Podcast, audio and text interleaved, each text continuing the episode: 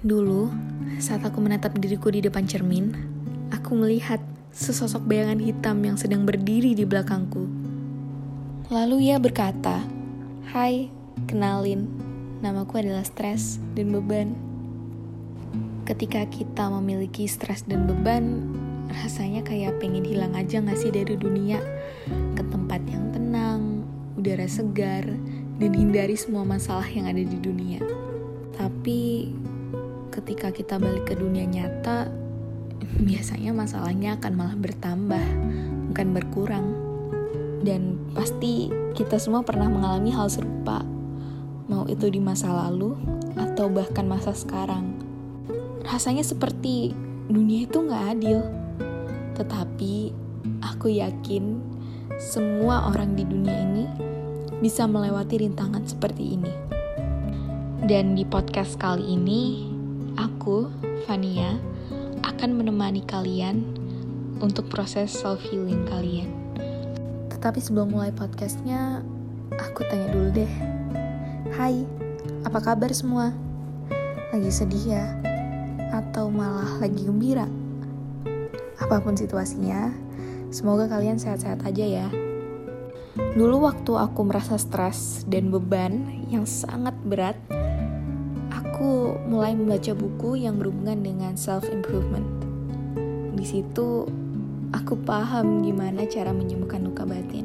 Pertama yang harus dilakukan yang pastinya mengenali dan menyadari kehadiran luka batin kita karena luka batin itu kayak luka fisik di mana luka fisik harus dibersihkan dan diobati agar tidak infeksi sama seperti luka batin yang harus kita sembuhkan dengan self healing. Pertama, coba deh lihat diri sendiri dalam-dalam dan bertanya, adakah hal yang terus-menerus membuat tidak nyaman? Adakah situasi serupa yang terus-menerus dialami dan terus mengganggumu? Atau perasaan yang membuat diri terhambat untuk berkembang?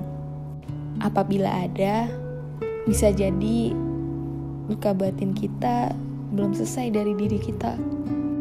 Untuk mengenali luka batin memang beda-beda, tetapi dulu yang aku lakukan adalah aku meluangkan dua jam waktuku untuk menuliskan apa sih yang membuat aku stres saat ini dan apa dampaknya setelah aku stres dan terkena beban dan aku mendapat jawaban bahwa sebenarnya stres dan beban yang aku alami adalah banyak orang toksik di sekitarku dan dampaknya adalah overthinking yang berlaju ke insecurities dan pikiran negatif.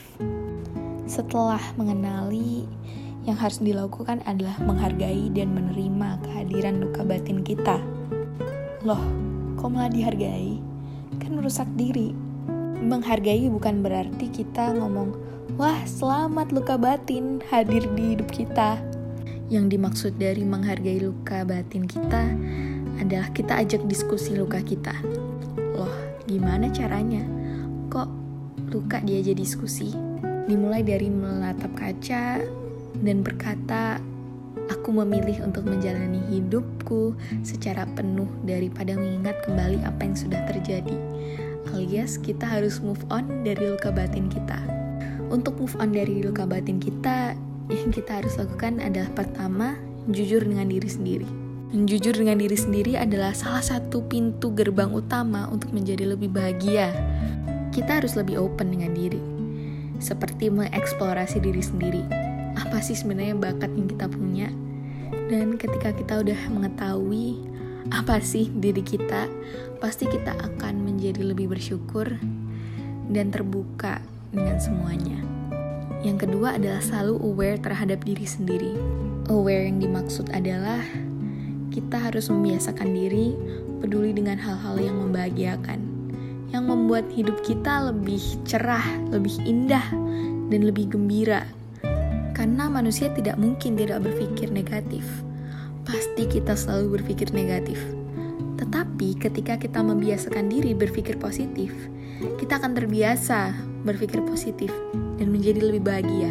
Dan sambung ke poin ketiga, yaitu kita dapat menyeimbangkan emosi. menyeimbangkan emosi itu yang paling susah sih untuk self healing karena aku sendiri kadang gampang bawa perasaan, gampang sensitif dan suka nangis. Tetapi aku selalu membuat tantangan ketika aku mendapatkan masalah. Aku menantang diri, aku harus tenang dan mencari solusi. Karena biasanya aku panik dan bingung sendiri. Dan ketika kita sudah berhasil menyeimbangkan emosi, pastinya kita akan selalu berpikir positif. Dan yang paling penting, kita akan menjadi lebih bersyukur kepada diri sendiri. Yang terakhir adalah mengapresiasi diri. Give yourself a prize Give yourself a warm hug. Gak usah mewah-mewah, cukup kasih waktu istirahat kepada diri sendiri, atau menikmati minuman yang kalian suka ketika kalian achieve sesuatu. Dan yang paling penting adalah berterima kasih kepada diri sendiri yang telah melewati banyak rintangan yang sangat susah di dunia. Look yourself at the mirror and say, "Hi, terima kasih telah melewati banyak rintangan di dunia ini. Aku sangat mengapresiasimu.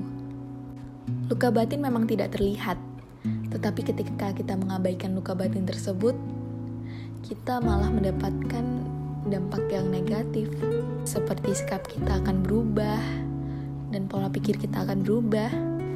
Jadi, self healing itu bukan hal yang memalukan, dan semua pasti butuh self healing. Before I end this podcast, I just want to say, you are not alone. Kamu tidak sendiri untuk melewati rintangan ini. Dan pasti susah di awal, tetapi hasilnya tidak mengecewakan kok. Because all love in this world is for you. Banyak banget yang ingin membantu kamu untuk menjadi bahagia. Jadi, stay strong dan tetap semangat ya untuk menjalani rintangan-rintangan ini. I know you can do it. Terima kasih semuanya telah mendengarkan podcast ini. Aku harap podcast ini dapat menemani kalian dan membantu kalian untuk mengobati luka batin kalian, alias self-healing. Thank you everyone. Stay safe and stay healthy.